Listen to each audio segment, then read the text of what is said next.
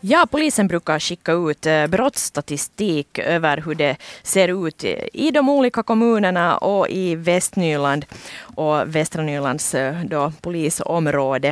Eh, men när man tittar på de här siffrorna så blir man lite förbryllad och, det ser jättekonstigt ut att någonting kan ha ökat med 100 procent och då funderar man inte vad har hänt?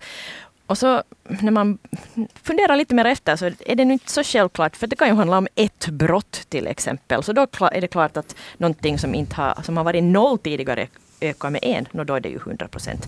Äh, de här siffrorna är lite knepiga. Så eh, jag har med mig nu kommissarie Markus Ramstedt här i studion.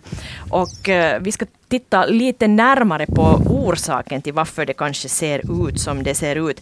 När du tittar så här generellt på det, så vad är det egentligen som ökar och vad är det som minskar i Västnyland för brott? Kan man säga någonting generellt om hur det ser ut? No, ser man på den statistiken nu, alltså här är en jämförelse då med en tidsperiod mellan januari och juni 2017 och samma tidsperiod nu 2018, så då ser det ut att enligt den statistiken att alla brottslag är på en sjunkande trend när det mm. kommer till västra Nyland. Att det är i princip enbart narkotikabrotten som hållits någorlunda på, på samma nivå.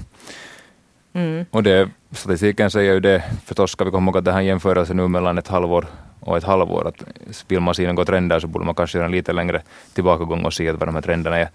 Men att positivt ser det ut, i alla fall på polisens synvinkel, att om det är så att brotten går neråt. Mm, det, det, låter ju bra. Men samtidigt så uppstår ju frågan också att vi vet ju att polisens resurser är knappa. Att kan det också bero på att man inte klarar av att övervaka tillräckligt noga till exempel narkotikabrott? Det finns ju, finns ju av de brottslagen som det blir ett här mörkertal. Ofta är det sådana brott var det finns, ska vi säga de målsägande, det, det är trafikbrott, narkotikabrott och sådana. Och det, det, det är klart att ha på polisen mindre möjlighet och min, mindre resurser att, att utföra den övervakningen så, så syns det också i den statistiken att lika många fall kommer inte till, till vad heter det, polisens kännedom. Hur stor förändring om vi nu jämför januari, juni 2017, 2018, hur mycket mindre resurser polisen har till, till övervakningen så kan jag inte säga. Mm. Men att fakta är det att det är många narkotikabrott säkert sånt som inte kommer till polisens kännedom. Att det ska man komma ihåg när man ser på statistiken att, att det här är det som anmälningar som man skriver på den här brotten och, och sen verklighet, hur mycket till exempel då narkotikabrott det finns så är något annat än vad det står här på det här pappret. Mm. Och, och dessutom är det säkert många som inte ens anmäler att en cykel har blivit stulen eller så små brott. Det finns säkert jättemånga orsaker bakom det att man inte ligga eh, det hör man ju i sådana samhällsdebatter att vissa, vissa anser att polisen inte ändå kommer till plats, att det är ingen, ingen vits att göra anmälningar. Så där finns en viss sanning bakom också det, att det av den orsaken också inte kommer saker till polisens kännedom.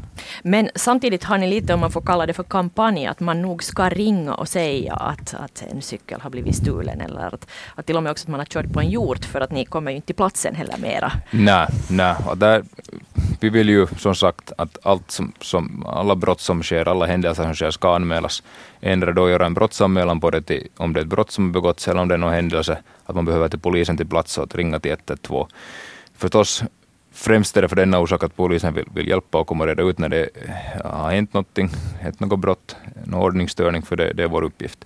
Men också sen på ett större perspektiv så all, all vår, vår resursfördelning och allt sånt styrs enligt den statistiken som kommer. Det är till exempel väldigt svårt att, att motivera att polisen behöver mer resurser om man ser på ett visst område att brott, brottsstatistiken går neråt. Mm. Så, så det är väldigt viktigt, fast man upplever att polisen kan inte kanske ge den service som man som man skulle vilja ha så i den stora helheten så är det ändå viktigt när anmälningarna kommer så då kan vi påverka sen i ett längre perspektiv på det här. Mm. Så att ni får mera, mera pengar och mera poliser till? Fast del, vi får, i alla fall, vi får i alla fall en verklig bild av vad, vad det på riktigt händer, vad den helhetsbilden är så, så det kan sen fara i olika riktningar. Men då, då vet vi i alla fall vad läget är på riktigt.